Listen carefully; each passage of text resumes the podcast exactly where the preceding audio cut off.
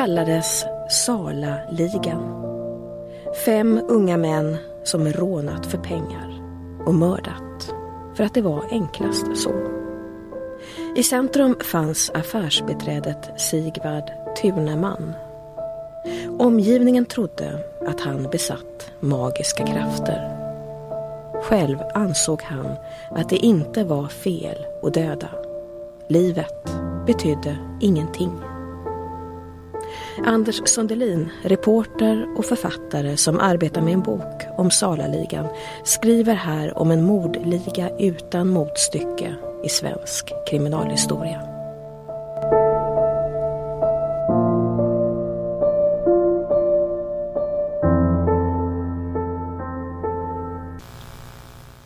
Det första offret var Sven Eriksson, 40 år.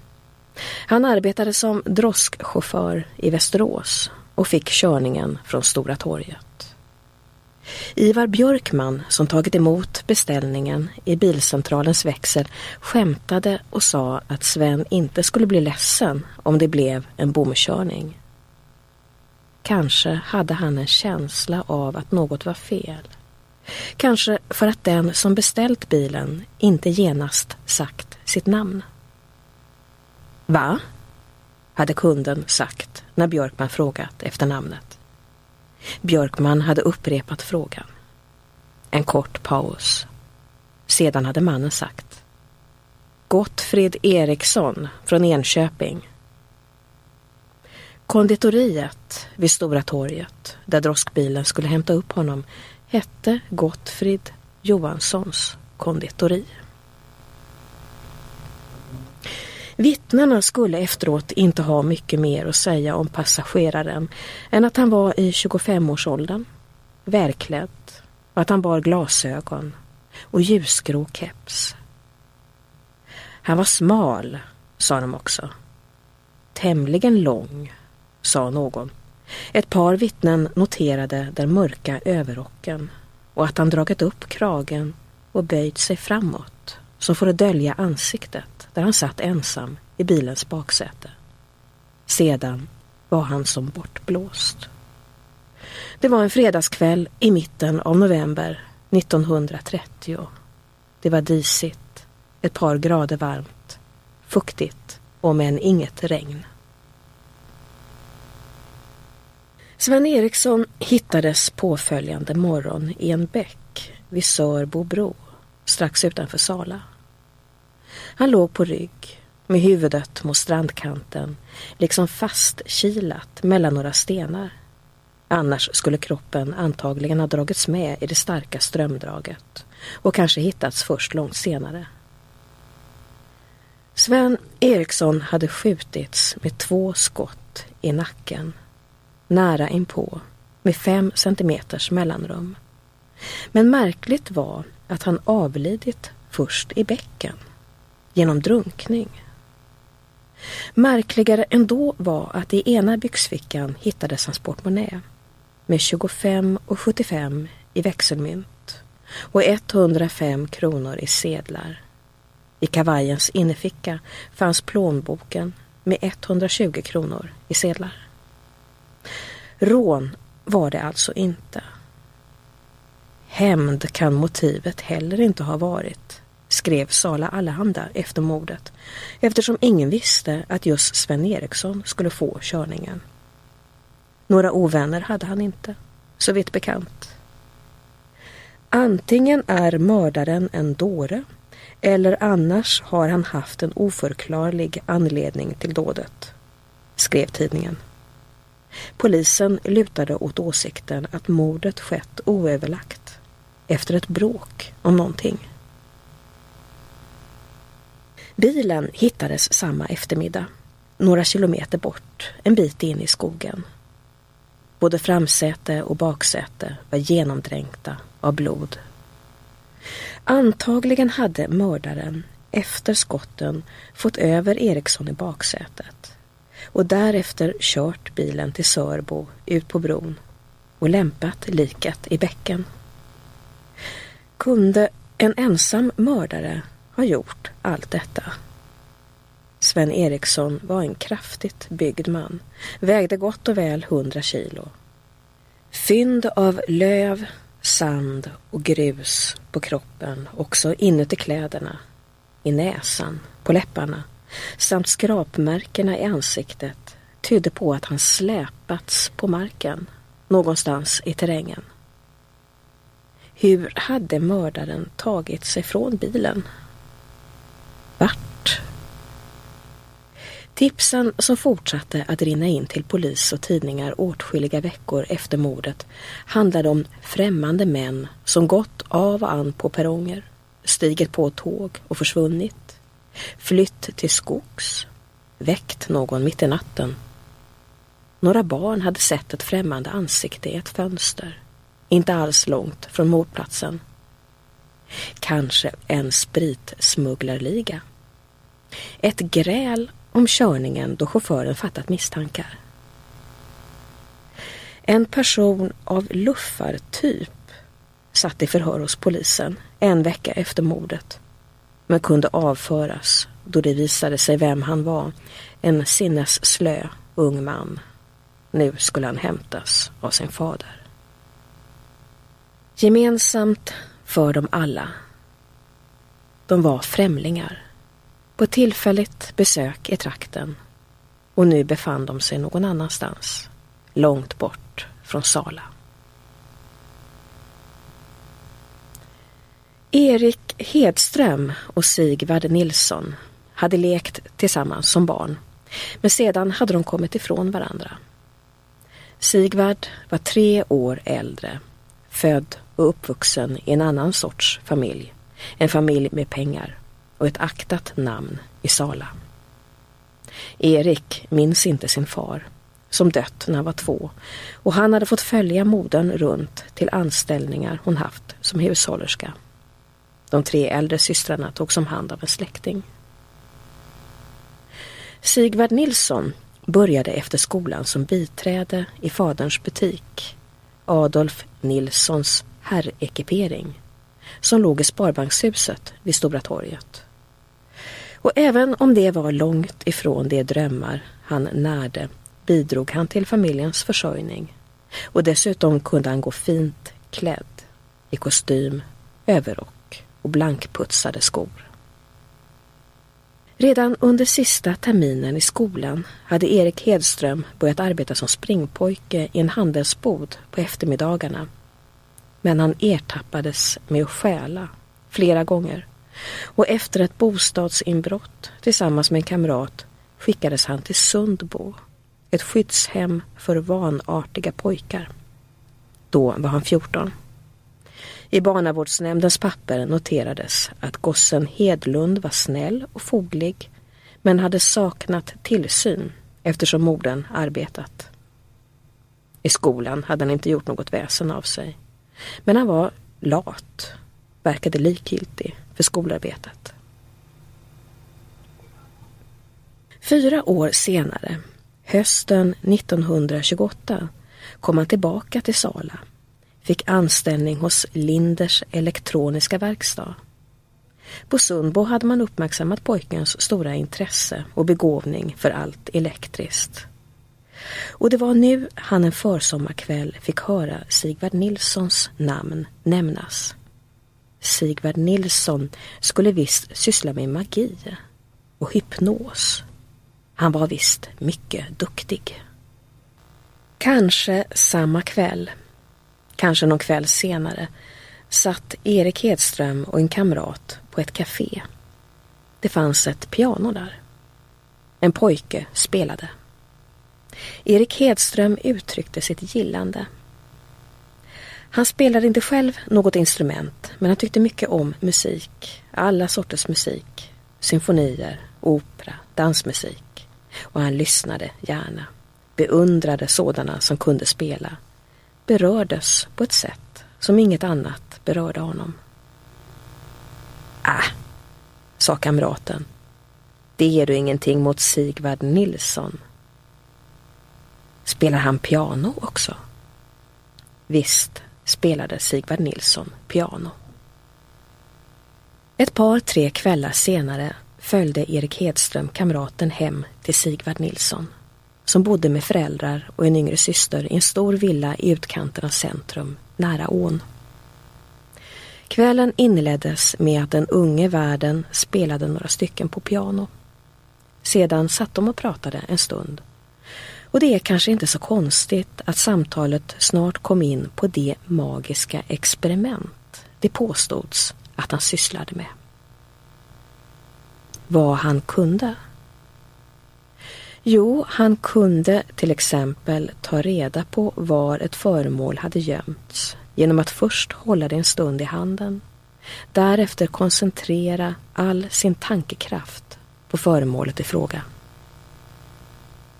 Redan samma kväll hade han hittat en pinne som Erik Hedström och hans kamrat gömt i ett angränsande rum. Han hade öppnat dörren, gått direkt på pinnen. Han hade gjort det flera gånger. Sigvard Nilsson hade ett eget rum i villan. Ett rum som Erik Hedström aldrig sett maken till. Där fanns tunga draperier för fönstren, äkta mattor på golvet, en ottoman och på en piedestal en stor vit glaskula i vilken rökelse sakta brunnit. En tung, sötaktig doft hade legat över rummet.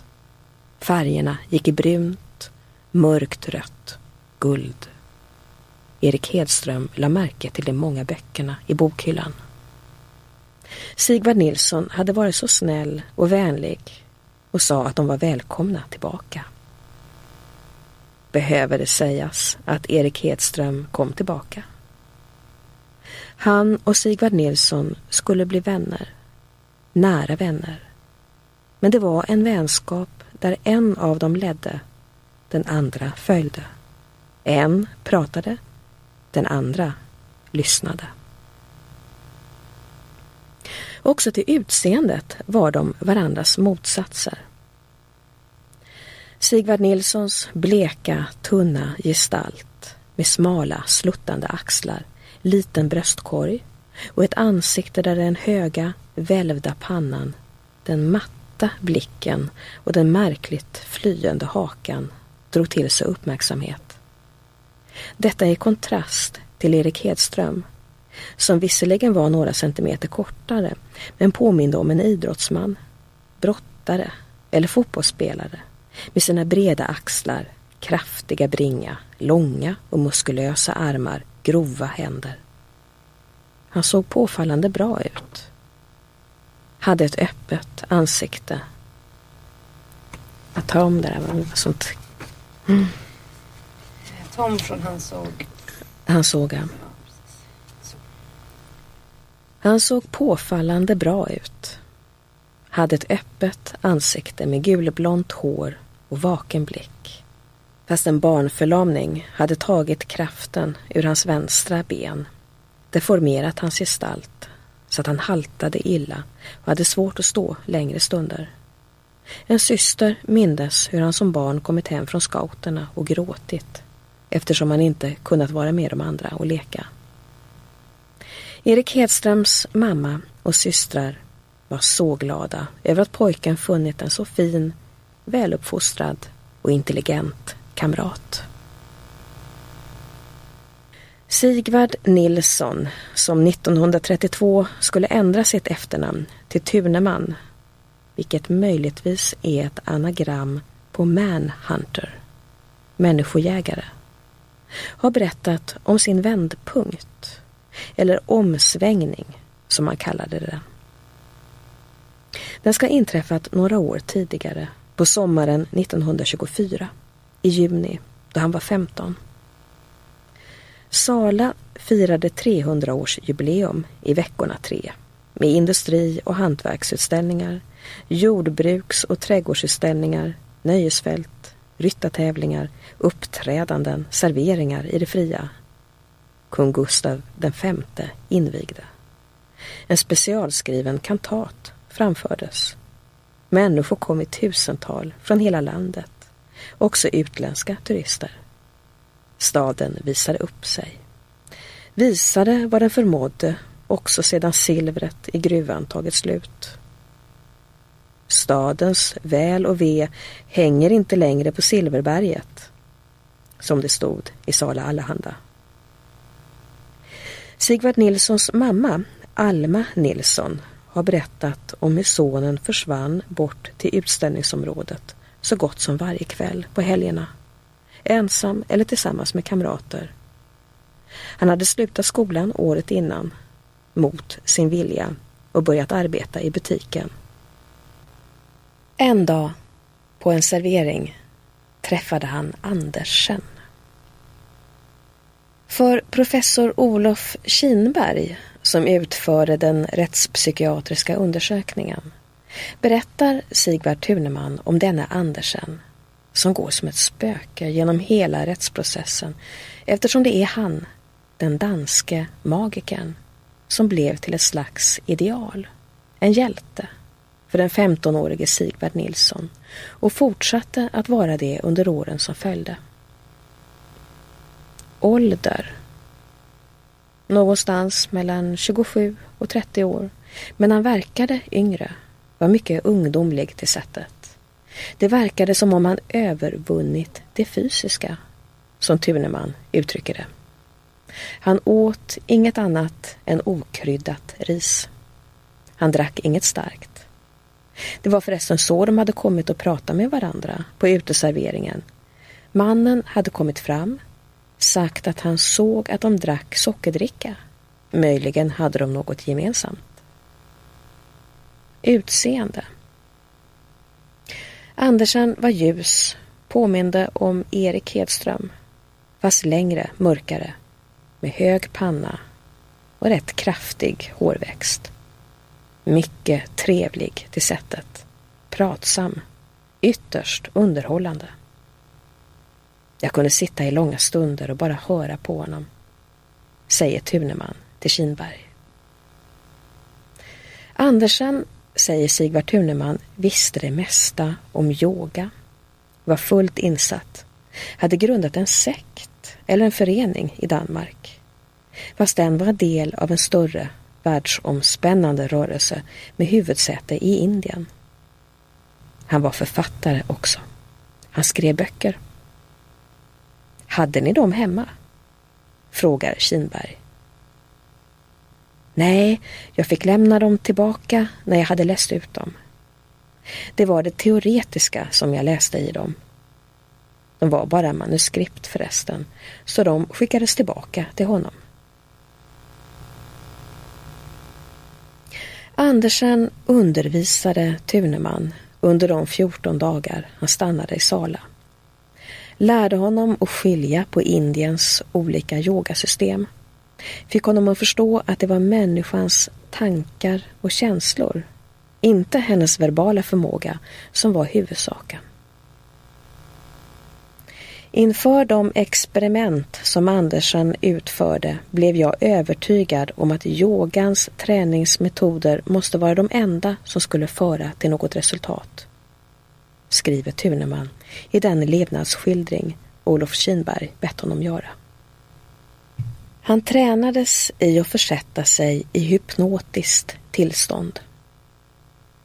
Han fick rökelse för att övervinna kroppens motstånd mot denna underkastelse under tanken och känslan. Med de sensationer som man med tankens hjälp erhåller i detta tillstånd följer en klarhet och ro som knappast kan beskrivas, skriver han också. Man är fullständigt oberoende av sin kropp och kan ledigt kvarbliva i samma tillstånd 6 till 7 timmar utan att känna någon trötthet utöver kroppens ställning. För sin mor berättade Sigvard Nilsson att Andersen sagt att det var honom han sökt. Ty Nilsson var född den dag när en yogi med övernaturliga krafter avlidit. Yogins själ hade vandrat över i Sigvard Nilssons kropp. Han skulle snart få komma till Danmark och utbilda sig till yogi. Senare också till Indien, där han skulle behöva stanna i fyra år. Modern hade varit lite bekymrad över det där, så långt borta och så länge. Nej, Alma Nilsson hade inte träffat dansken. Men Adolf Nilsson, fadern, hade gjort det. Han minns att han en sommarkväll när han kom hem hade blivit presenterad för någon, en dansk, som suttit med sonen i trädgården. Efteråt hade Sigvard berättat att mannen var magiker, hypnotisör och att han påstått att sonen besatt en magisk kraft av stort värde. Till Olof Kinberg säger Sigvard Thuneman att Andersen blivit väl bekant med hela familjen. Han hade bott hos dem i 14 dagar. De hade tyckt mycket om honom.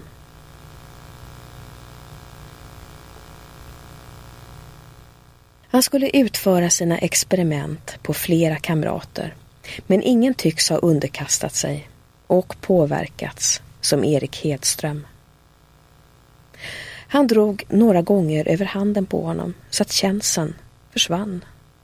Efteråt gick det att sticka en nål genom handen flera gånger utan att det gjorde ont eller kom ens en bloddroppe. Han visade kortkonster, upprepade tricket med pinnen, också med förbundna ögon. Han påstod att han skulle kunna bota sin kamrat från hans lyte. Och det gick till så här.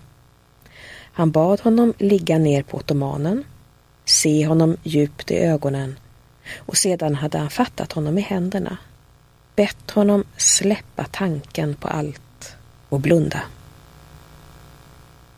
Sigvard Nilsson hade mumlat någonting upprepade gånger. Han kallade det visst mantra och fört sina händer över hans kropp, från huvudet och ner mot fötterna, gång på gång, utan att vidröra honom. Erik Hedström berättade att han sjunkit in i ett sömnliknande tillstånd som kunde vara uppemot tre timmar.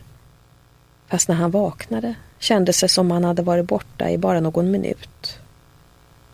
Efteråt hade han känt sig olustig, egendomlig, liksom frossa i kroppen. Botad blev han dock inte. Seanserna skedde alltid nattetid. I Sigvard Nilssons rum. I ljuset från en enda lampa med svagt sken. Och så rökelsen förstås. Sigvard Nilsson påstod att han kunde förmå en människa att utföra olika handlingar genom att inpränta den tanken hos henne. Till exempel förmå en bankkassör att överlämna pengar till honom. Han påstod att han kunde sänka hjärtfrekvensen hos en person så pass att hon bara behövde sova en timme om dygnet. Han prövade på Erik Hedström som efteråt måste tillstå att han inte kände sig särskilt trött, om än inte utvilad. Han påstod att han kunde sänka hjärtverksamheten helt och hållet, så att döden inträffade. Det ville Erik Hedström inte vara med om. Ofta tog de långa promenader genom staden under sena kvällar och nätter. Sigvard Nilsson berättade om dansken han mött och fortsatt att brevväxla med. Fast det namn Erik Hedström mindes honom nämna var Valdosa. Doktor Valdosa. Han skulle vara en styv tankeläsare, en hypnotisör, en magiker. Han kunde köra bil med förbundna ögon. Han kunde förflytta en människa i rummet med hjälp av tankens kraft. Doktor Valdosa tillhörde en hemlig dansk sammanslutning till vilken även Sigvard Nilsson kunde räkna sig. Han skickade böcker till honom, hade inbjudit honom att besöka Köpenhamn. Sigvard Nilsson pratade och pratade formulerade åsikter och tankar som Erik Hedström till att börja med fann besynnerliga, allt efterhand intressanta, så småningom tilltalande. Den västerländska guden var ett mänskligt påfund för att hålla den stora massan nere. Människor betydde inget. Endast själen betydde något. Kroppen var blott ett hölje för själen som vandrade från en individ till en annan. Själarna kunde indela sig en mindre och en större grupp. Själv tillhörde Sigvard Nilsson den mindre gruppen till dessa andligt högre utvecklade människor. Erik Hedström sa väl inte så mycket. I början av november 1929 steg Sigvard Nilsson på tåget mot Köpenhamn för att träffa Andersen och medlemmar i den danska föreningen. Han kom hem och berättade för sina föräldrar, för sin syster och för Erik Hedström om det enastående mottagande han fått i den danska huvudstaden. Han hade också fått veta att en svensk förening fanns med den högsta ledaren kallad Robert placerad i Stockholm. Det var en förening med många strängar på sin lyra med stora ekonomiska resurser. Erik Hedström och en kamrat fick frågan om också de ville bli medlemmar, vilket de ville. Och en tid senare kunde Sigvard Nilsson berätta att han skrivit till Köpenhamn och fått klartecken angående deras medlemskap. De fick se ett dokument av något slag, ett papper att skriva under, ett kvitto på att nu var de medlemmar. Också andra unga män i Sala antogs som medlemmar. Föreningens namn var Se, Den magiska cirkeln. Den var ytterst hemlig. Den skulle bedriva psykologisk forskning men också skaffa pengar så att Sigvard Nilsson skulle kunna bekosta en utbildning till yogi i Indien. När föreningen fått god ekonomi skulle medlemmarna både få del av medlen och ledarens inhämtade kunskaper.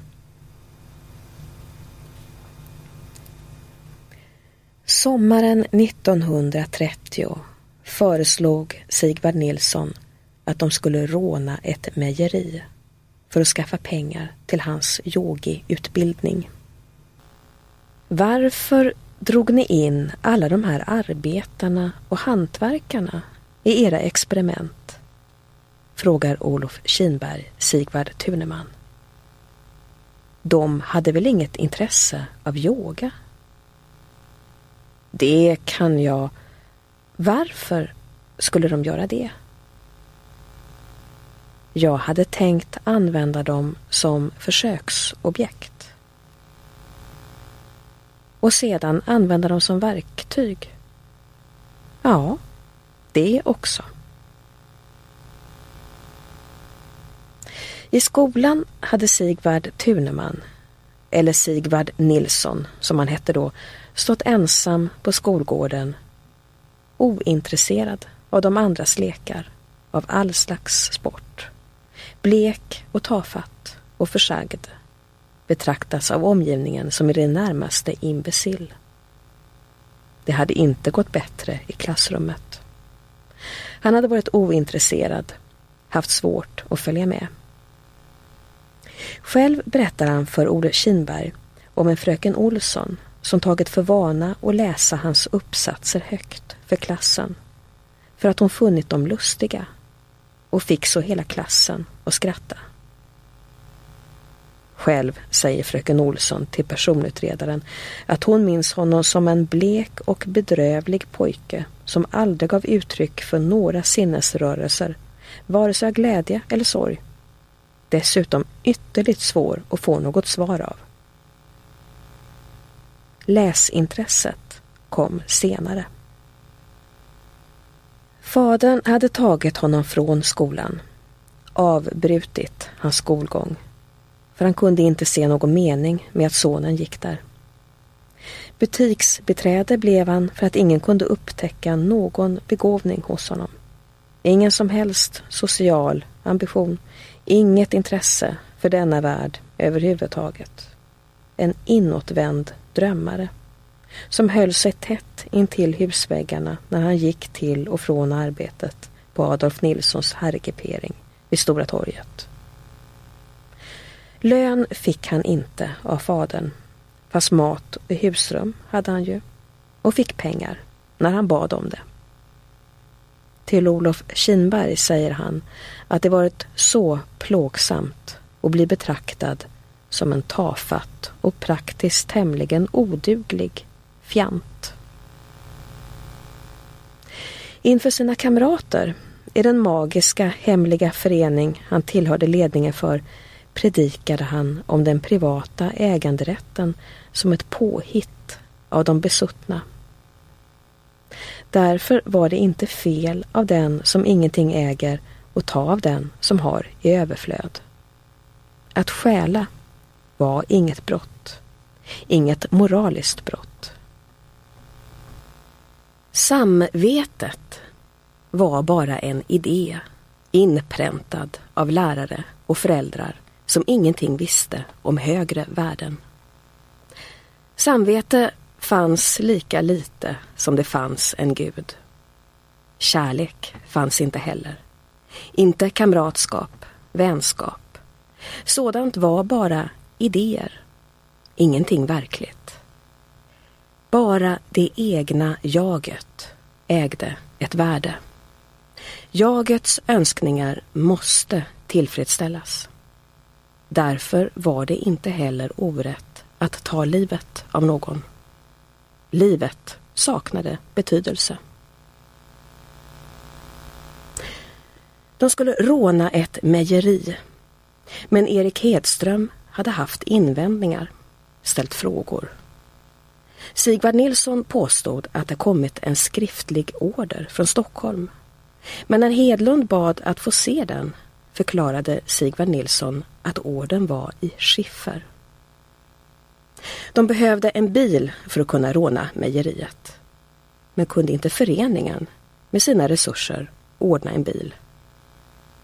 Alla bilar var upptagna för tillfället. Måste de mörda en droskchaufför för att komma över en automobil? Var det inte enklare att bara stjäla den? De brukade göra så i föreningen, förklarade Sigvard Nilsson. Han hade fått med sig en äldre kusin som hade en motorcykel med sidovagn. Det var på den de tre unga männen gjorde sina rekognoseringsturer i trakten runt Sala, nattetid, på jakt efter ett lämpligt mejeri. På mejerierna fanns stundtals gott om pengar. Kväll Flexibility is great. That's why there's yoga. Flexibility for your insurance coverage is great too. That's why there's United Healthcare Insurance Plans. Underwritten by Golden Rule Insurance Company, United Healthcare Insurance Plans offer flexible, budget friendly coverage for medical, vision, dental, and more. One of these plans may be right for you if you're, say, between jobs, coming off your parents' plan, turning a side hustle into a full hustle, or even missed open enrollment. Want more flexibility? Find out more about United Healthcare Insurance Plans at uh1.com.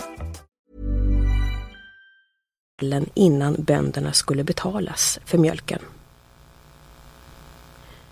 Det var bra att du skaffat dig en motorcykel så du kan köra åt föreningen och få bra betalt för det, sa Sigvard Nilsson till sin kusin. De fastnade för Hedåkers mejeri. Det låg bra till. Erik Hedström ringde en släkting som var bonde och fick veta när utbetalningarna brukade ske. De bestämde sig för ett datum, en fredag i mitten av november. Kusinen trodde nog inte på allt det där. Sigvard pratade så mycket. Föreningen trodde han överhuvudtaget inte på. Men han var imponerad av sin yngre kusins trollerikonster och hypnotiska förmåga.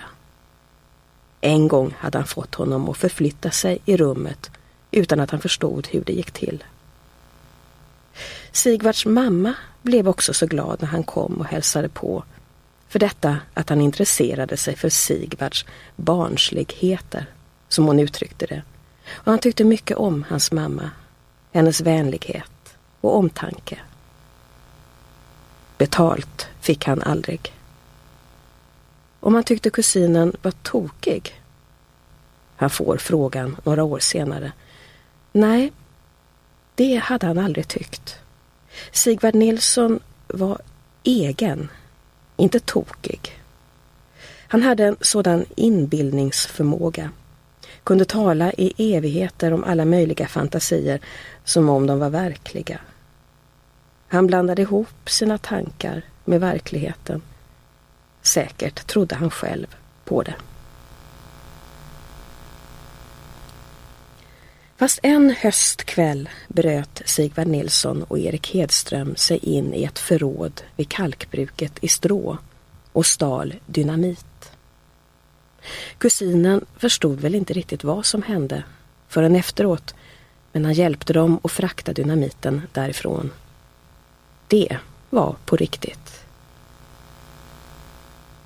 När Sigvard Nilsson ville att han skulle köra honom till Västerås på motorcykeln för att knäppa en chaufför trodde han inte på honom.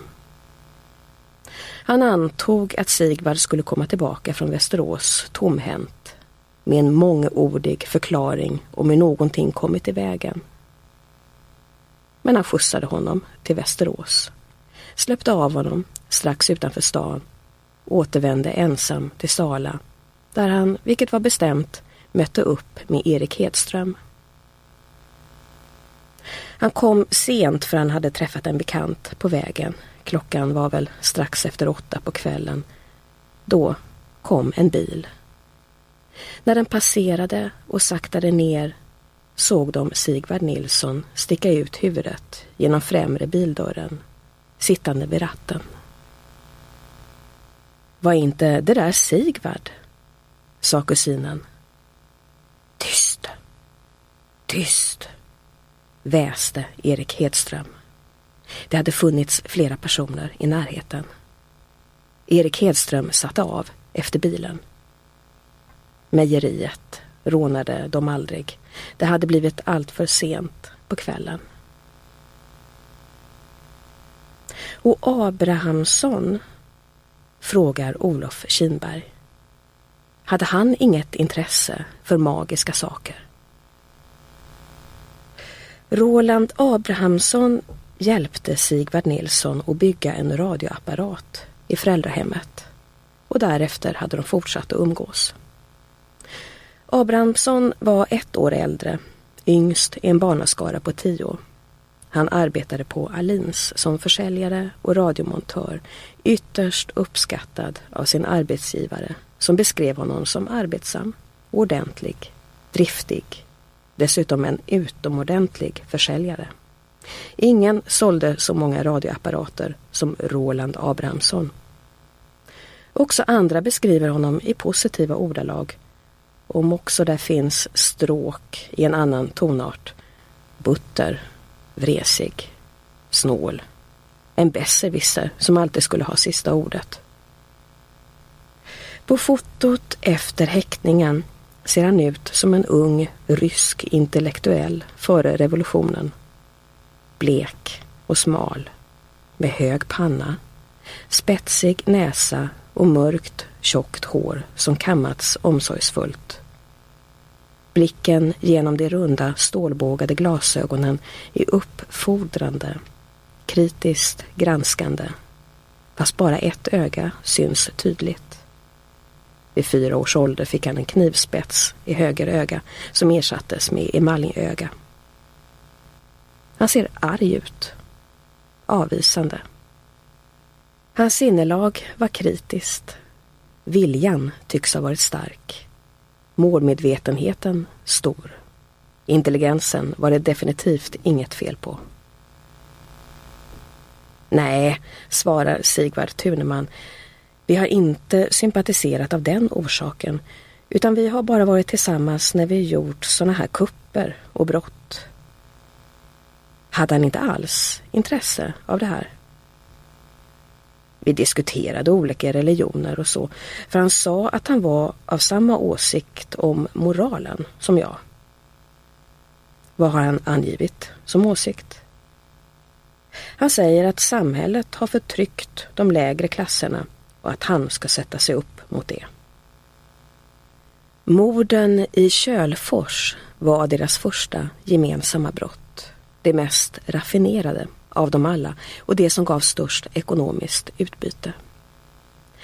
Polisuniformerna tycks de ha tillverkat redan året innan. Planeringen var noggrann. De visste vad de ville ha, vad de skulle göra. Även om de verkar ha varit okunniga om att det bodde två personer i huset. Kölfors är det brott Sigvard Thuneman sätter högst när Olof Kinberg ber honom gradera dem. Det var så spännande. Det blev strid.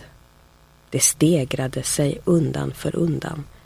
Allt utspelade sig dessutom i fullt månljus. Tänk, säger han till Olof Kinberg. Månljust har det varit alla gångerna. Det är lustigt. Han skrattar sitt nervösa, fladdrande, tonlösa skratt som Olof Kinberg finner så obehagligt.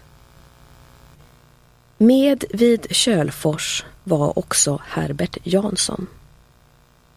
Han arbetade på strå och kalkbruk i Sala men gick arbetslös i perioder. En dag på våren 1932 hade han varit inne i Adolf Nilssons herrekipering för att köpa en överrock och en kostym. Inte haft tillräckligt med pengar men fått köpa på krita sedan den unge expediten inskridit, gått i god för honom. När han kom tillbaka för att göra sin första avbetalning började Sigvard Nilsson fråga ut honom om hans jobb och vad han tjänade. På kvällen hade han kommit fram till honom där han stod i ett gathörn. De slog följe och innan de skildes åt hade Sigvard Nilsson bjudit den jämnårige Herbert Jansson hem till sig. Herbert Jansson var ett känt ansikte på stan. En stadig bit som kompenserade en viss tröghet i tanken med humor, fräckhet och ett explosivt humör, i alla fall när han druckit. Kallades Dempsey, tyckte om att klä sig snyggt. Han hade dömts några gånger för misshandel, fylleri och förargelseväckande beteende.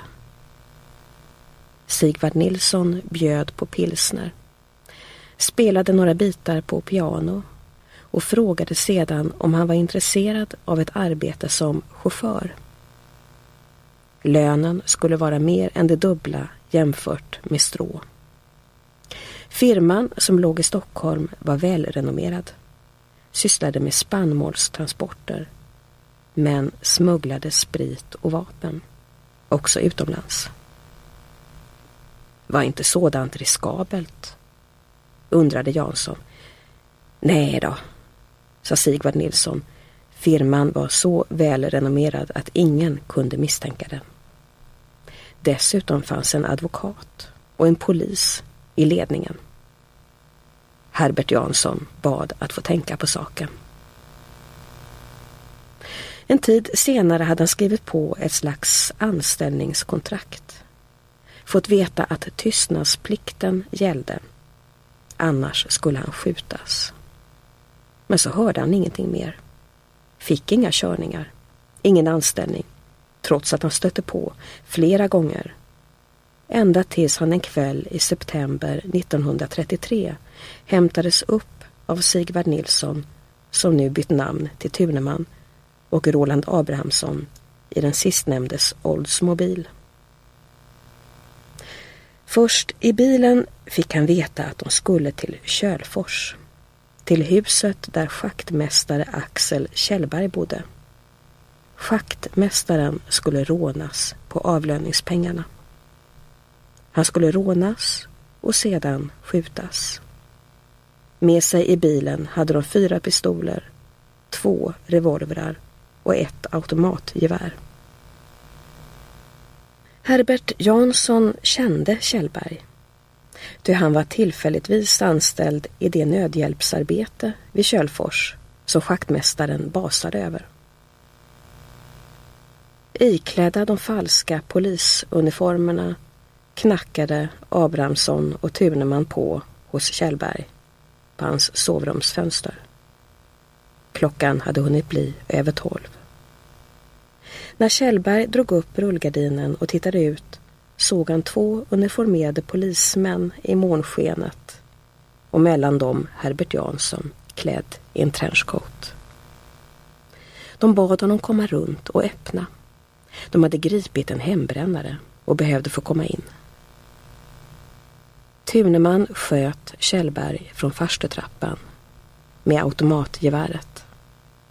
När de kommit in i huset upptäckte de den unga hushållerskan som sov i ett angränsande rum och kom upp farande från sängen. Henne sköt de också.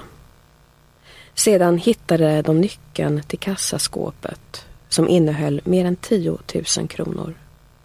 I dagens penningvärde drygt 280 000 kronor. Satte eld på huset och gav sig av därifrån. De kom att kallas Salaligan, men först efter gripandet. De fem unga männen, den äldsta 29, den yngsta 21, hade gripits på olika platser och förts till polishuset i Sala en efter en under några dagar kring midsommaren 1936 inför en förstummad, för att inte säga chockad, allmänhet. Först Erik Hedström. Därefter Åke Lindberg. Sedan Sigvard Tuneman och så till sist Herbert Jansson och Roland Abrahamsson. Salaligan kallades de för att det var den minsta gemensamma nämnaren. Rånmördarna var födda eller uppvuxna i Sala. Här hade de gått i skolan, börjat arbeta. Människor här kände dem. Kände deras föräldrar, bröder och systrar. Erik Hedströms hustru bodde här. Hans två små barn. Ingen hade kunnat ana. Eller? Det kom ett brev till polisen. Ett anonymt brev som pekade ut Sigvard Tuneman och Roland Abrahamsson som skyldiga till morden i Kölfors. Det kom några månader efter dådet men sjabblades bort av polisen. Ingen kunde väl tro att ett så kallhamrat brott begåtts av några från trakten. Förövarna hade kommit och försvunnit. Så måste det ha gått till. Misstankarna gick åt huvudstaden till en gangsterliga.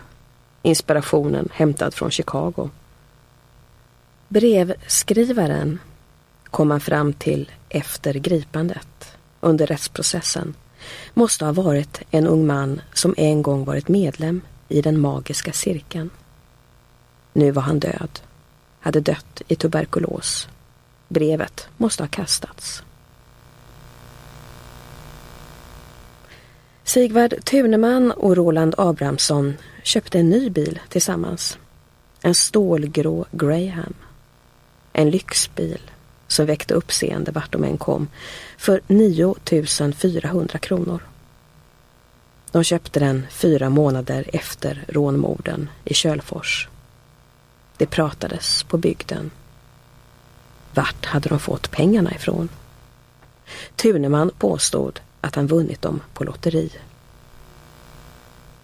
Det rånmord de begick året efter Kölfors visste man överhuvudtaget inte att det var ett brott förrän efter gripandet då Sigvard Tuneman plötsligt erkände och började berätta utan att någon frågat honom om saken. Misstankar om brott hade funnits. Polisexpertis från Stockholm kallats till den nedbrunna stugan i Västerfärnebo. Men utredarna kom fram till att fröken Matilda Blomqvist brunnit inne genom en olyckshändelse. Tvivlare fanns. Hon hade ju alltid varit så försiktig med elden. Hade knappt vågat ha fotogenlampan tänd. Hon hade haft gott om pengar. Hennes eländiga uppenbarelse och fallfärdiga stuga till trots. Det var vad ryktet på bygden sa. Utredarna hade emellertid inte stannat tillräckligt länge för att få höra dessa historier. Ej heller något om de unga män som besökt henne flera gånger några månader före branden. De hade kommit i bil, i en spritt ny bil. Idén var förmodligen Roland Abrahamssons. För det var han som hade en stuga att sälja och som hade kommit de båda första gångerna för att låta Matilda Blomqvist se hans stuga och höra vad hon var villig att betala. Han hade hört att hon ville flytta. Han hade också sett papperspåsen hon bar med sig, tryckt intill bröstet. När han efteråt frågat en granne om hon verkligen hade några pengar att betala med, hon hade ju inte precis sett solvent ut, hade han fått höra att gumman visserligen hade sina egenheter, som det där med papperspåsarna, eller att hon lagt tidningar på golvet för att inte nöta på trasmattorna. Fast förmögen var hon. Pengarna förvarade hon visst hemma, i stugan, i någon av alla sina papperspåsar. De körde upp med bilen till stugan, backade upp mot den och stannade. Tuneman borrade ett hål genom väggen in till kammaren där de visste att hon sov. Med gemensamma krafter ledde de en gummislang från bilens avgasrör till hålet. Och sedan satte sig Abrahamsson vid ratten, startade bilen. Motorn spann så tyst att den inte ens hördes ner till vägen. De borrade ytterligare ett hål, tryckte in mera gas. Sedan bröt Tuneman upp köksfönstret med en skruvmejsel och kröp in. De hittade fyra papperspåsar med sopor och lump och tomflaskor. I en av dem fanns en portmonnä med sex kronor och 75 öre i ettöringar och tvåöringar. Två bankböcker hittade de också och lämnade. När de for därifrån fick Herbert Jansson mynten. Han hade hållit vakt nere vid vägen och hjälpt till att leta i stugan. Alltid fullmåne och alltid skulle de vara tre man med vid brotten. Idén med gasen ska också ha varit Roland Abrahamssons. Han hade läst i en tidningsartikel att i Amerika dödade man råttor med gas. Anser ni verkligen på fullt allvar att alla mänskliga handlingar är fullt tillåtna? Det är Olof Kinberg som frågar. Sigvard Tuneman sitter mitt emot honom. De befinner sig på Långholmen. Det har gått tre veckor sedan rättegången avslutades. Det är knappt två veckor kvar till julafton 1936. Kinberg noterar att Tuneman sitter som en gammal fröken. Upprätt. Utan att luta sig mot ryggstödet. Med benen ihopdragna. Liksom kraftlösa. Aldrig ser han sig omkring i rummet. Den matta blicken fäst vid utfrågaren. Tuneman svarar. Ja, jag tror... Jag trodde det inte fanns något samvete heller förr. För det har ju gått ut på det, det här. Men jag har fått en obehaglig påminnelse om det på sista tiden. Han tänker på Matilda Blomqvist i Västerfärnebo. Han har nämnt henne under rättegången, motvilligt och i samtalen med Olof Kinberg. Han kan inte, som han säger, bli kvitt den bilden på näthinnan. När de lämnat den brinnande stugan hade han passerat sängen och han hade kastat en blick mot henne där hon låg. Hon hade haft ögonen öppna, påstår han. Hon hade sett på honom. Han säger Jag la märke till att när jag försökte be att det skulle gå bort så jag slapp få se den där kvinnan så var det omöjligt. Men sedan när jag började tänka att jag var en sådan ond människa så blev jag lugnare. Var det den kvinna som blev innebränd?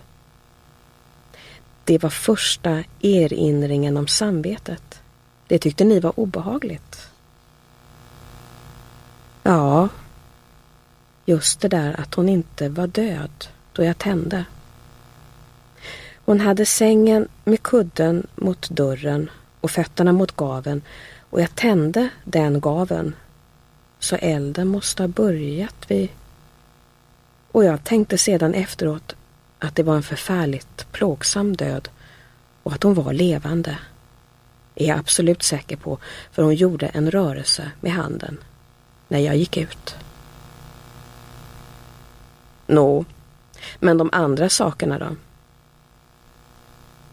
Nej, det var inte så farligt, ansåg Tuneman. Lukten inne i droskbilen var obehaglig sedan han skjutit chauffören. Det var en förfärlig lukt av blod och den satt liksom kvar i kläderna efteråt. Annars hade han inte känt något obehag. Efter morden har han alltid känt sig lugn. Nå, den här Kölfors-affären där ni tog hål på två människor. Besvärar inte den er något? Nej, inte det minsta. Har ni inte försökt förklara det för er? Nej. Hade de gjort er något ont, dessa människor? Nej, jag kände dem inte. Jag hade aldrig sett dem förut. Jag vet inte riktigt hur de såg ut heller. Jag fick aldrig se det. Ni har inga bestämda sinnesintryck från den historien? Nej, den anser jag som om jag inte skulle varit med om när jag sitter här nu. Jag trodde det skulle vara så alltid. Tills jag fick den här minnesbilden i Västerfärnebo. Att det inte alltid är så. Men det där i Västerfärnebo. En gång nu under ransakningen när jag skulle lägga mig och sova, då kunde jag inte sova. Då kom det där. Vad kom då? Den där synen. Den där uppenbarelsen av kvinnan. Olof Kinberg frågar något senare under samtalet om Tuneman är stolt över sina gärningar. Nej, jag är inte stolt över det här inte. Det är inget särskilt märkvärdigt med brotten jag gjort. Nej, det kan man inte säga. Det är bara det att de har varit så många. Att de blivit så många är väl bara för att vi har hållit på så många år. Ett till skulle det bli. Planer fanns också på andra brott, på raffinerade bankkupper i både Sala och Stockholm. På en kupp mot centralpostkontoret på Vasagatan i Stockholm. Där först centralstationen skulle sprängas för att sysselsätta polisen på annat håll och de efteråt skulle kunna försvinna i kaoset. Men bankbudet Elon Pettersson i Sala skulle bli deras sista offer och deras fall. En fredag i mitten av juni 1936. De hade försökt flera gånger men alltid hade något kommit i vägen. De såg honom komma cyklande från stan genom Suckarnas allé och ställde bilen så att han måste passera den på sin väg upp mot Strå kalkbruk.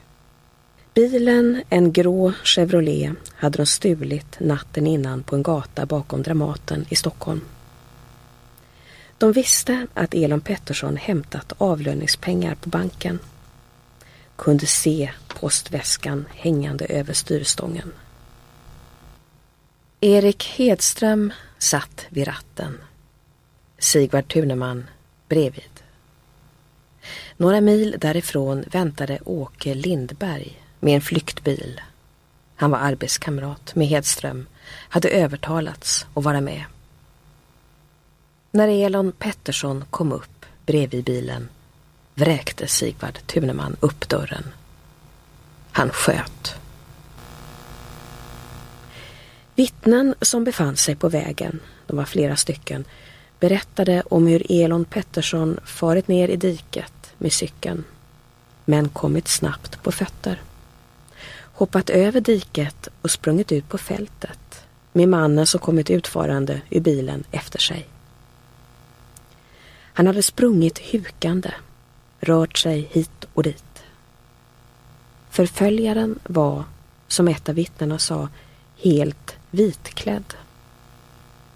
På huvudet hade han haft en vit huva, dessutom motorglasögon. Han sköt flera skott mot Pettersson, som till sist sjönk ihop.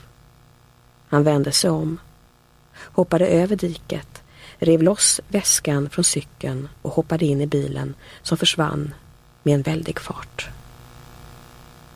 Elon Pettersson levde när människor kom springande fram till honom men avled tidigt nästa morgon.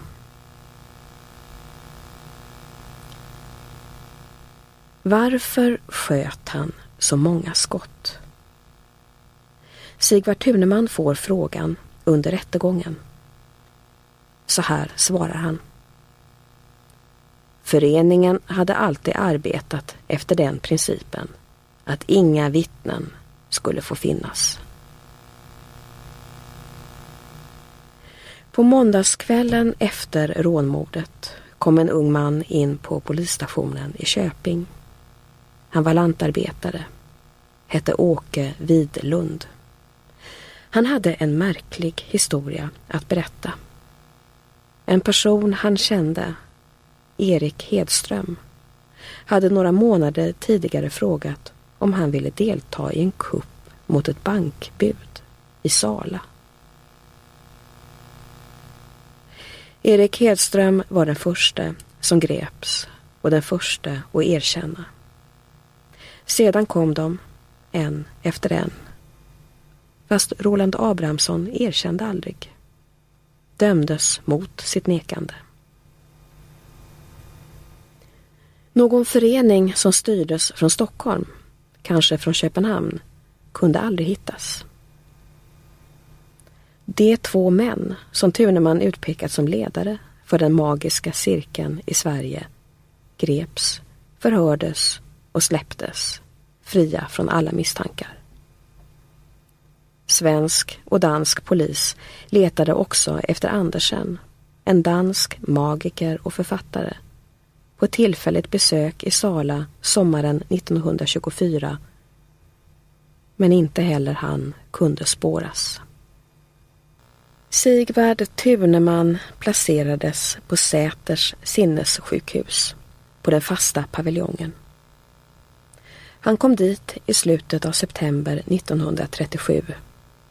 Skulle stanna i nästan 30 år. 1964 överfördes han till Karsuddens sjukhus.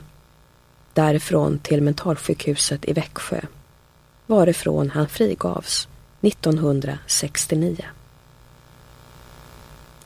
Under sjukhusvistelsen lärde han sig flera språk. Han arbetade med översättningar och hjälpte docent Erik Karlmark med dennes doktorsavhandling. Efter frigivningen ordnade Karlmark ett arbete åt honom som vaktmästare. Tuneman hade då återtagit sitt ursprungliga familjenamn. Sigvard Nilsson bodde ensam i en lägenhet i Abrahamsberg, Bromma och avled den 11 juli 1979, 70 år gammal. I enlighet med hans önskan lades askan efter honom i jorden på kyrkogården i Sala. Inga andra än de två kyrkogårdsarbetarna var närvarande vid den korta ceremonin.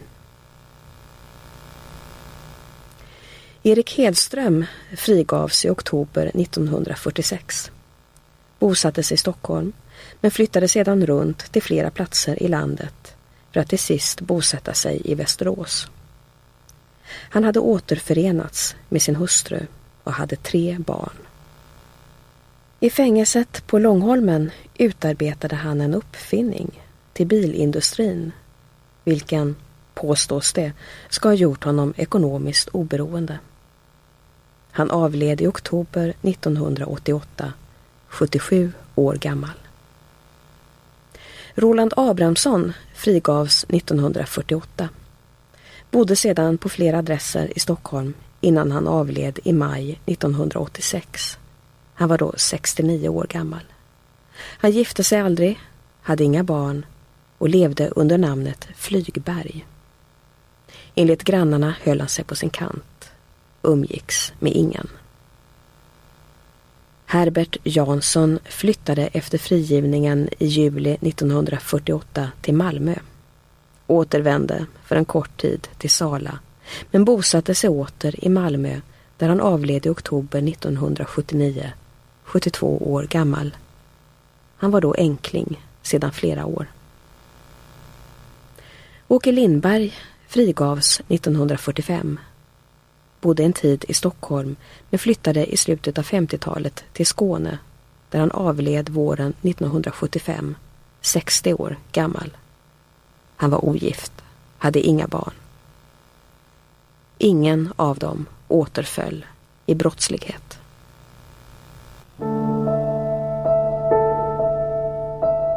Du har hört Kerstin Weigel läsa tredje delen i Aftonbladets serie Brotten som skakade Sverige Artikeln skrevs av Anders Sundelin och producent för inspelningen var Erika Sjöling. Nästa artikel i serien handlar om Maskeradligan, den rånarliga som på 80 och 90-talen genomförde en rad fräcka kupper genom att klä ut sig. Samtliga artiklar i serien kommer att finnas för nedladdning på aftonbladet.se.